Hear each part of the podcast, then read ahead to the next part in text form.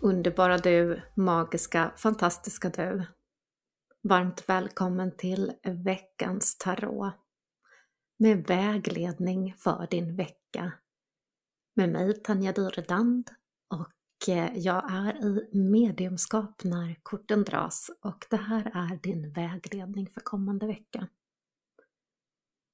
Du får vägledning power, det vill säga hitta tillbaka till din inre styrka är det så att det har varit mycket omkring nu med både superfullmåne men också andra planetära händelser, gå tillbaka till vad som ger dig inre styrka. Fundera på när känner du dig stark? Vad stärker dig? Vad stärker ditt sinne, din kropp? Kanske är det så att du behöver vila eller så behöver du aktivitet för att stärka dig.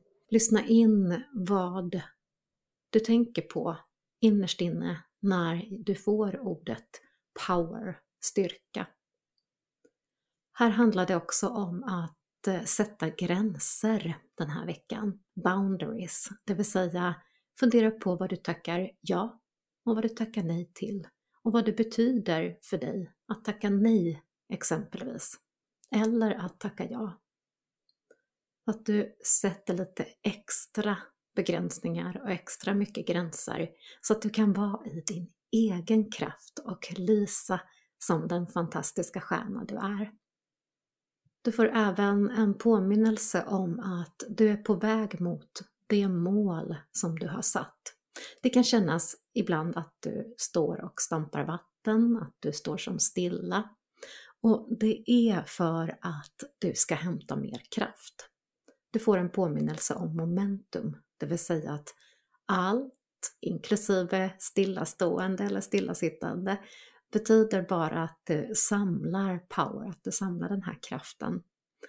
Och det du kan ta med dig som extra styrka och en extra påminnelse denna vecka är att för att nå dina mål så behöver du dels ha fokus det vill säga siktet inställt och fokuserat råder dig korten och tarot. Och att du även ska öppna upp för andra möjligheter. Hur skulle du kunna nå det här målet på ett annat sätt? Med ett mer kreativt tänkande. Kan du tänka lite mer kreativt kring detta? Hmm, det är en perfekt timing för det. Just denna vecka råder dig korten. Sist ut får du tre med Rafael som ärkeängel. Och det här är ett riktigt celebration, ett riktigt firande kort. Och det här kortet betyder fundera på hur du vill fira dig själv. Att du kan se fram emot någonting att fira. Alltså fira någonting. Bara bestäm dig för att fira någonting. Passa på kanske att fira in valborg om du firar valborg.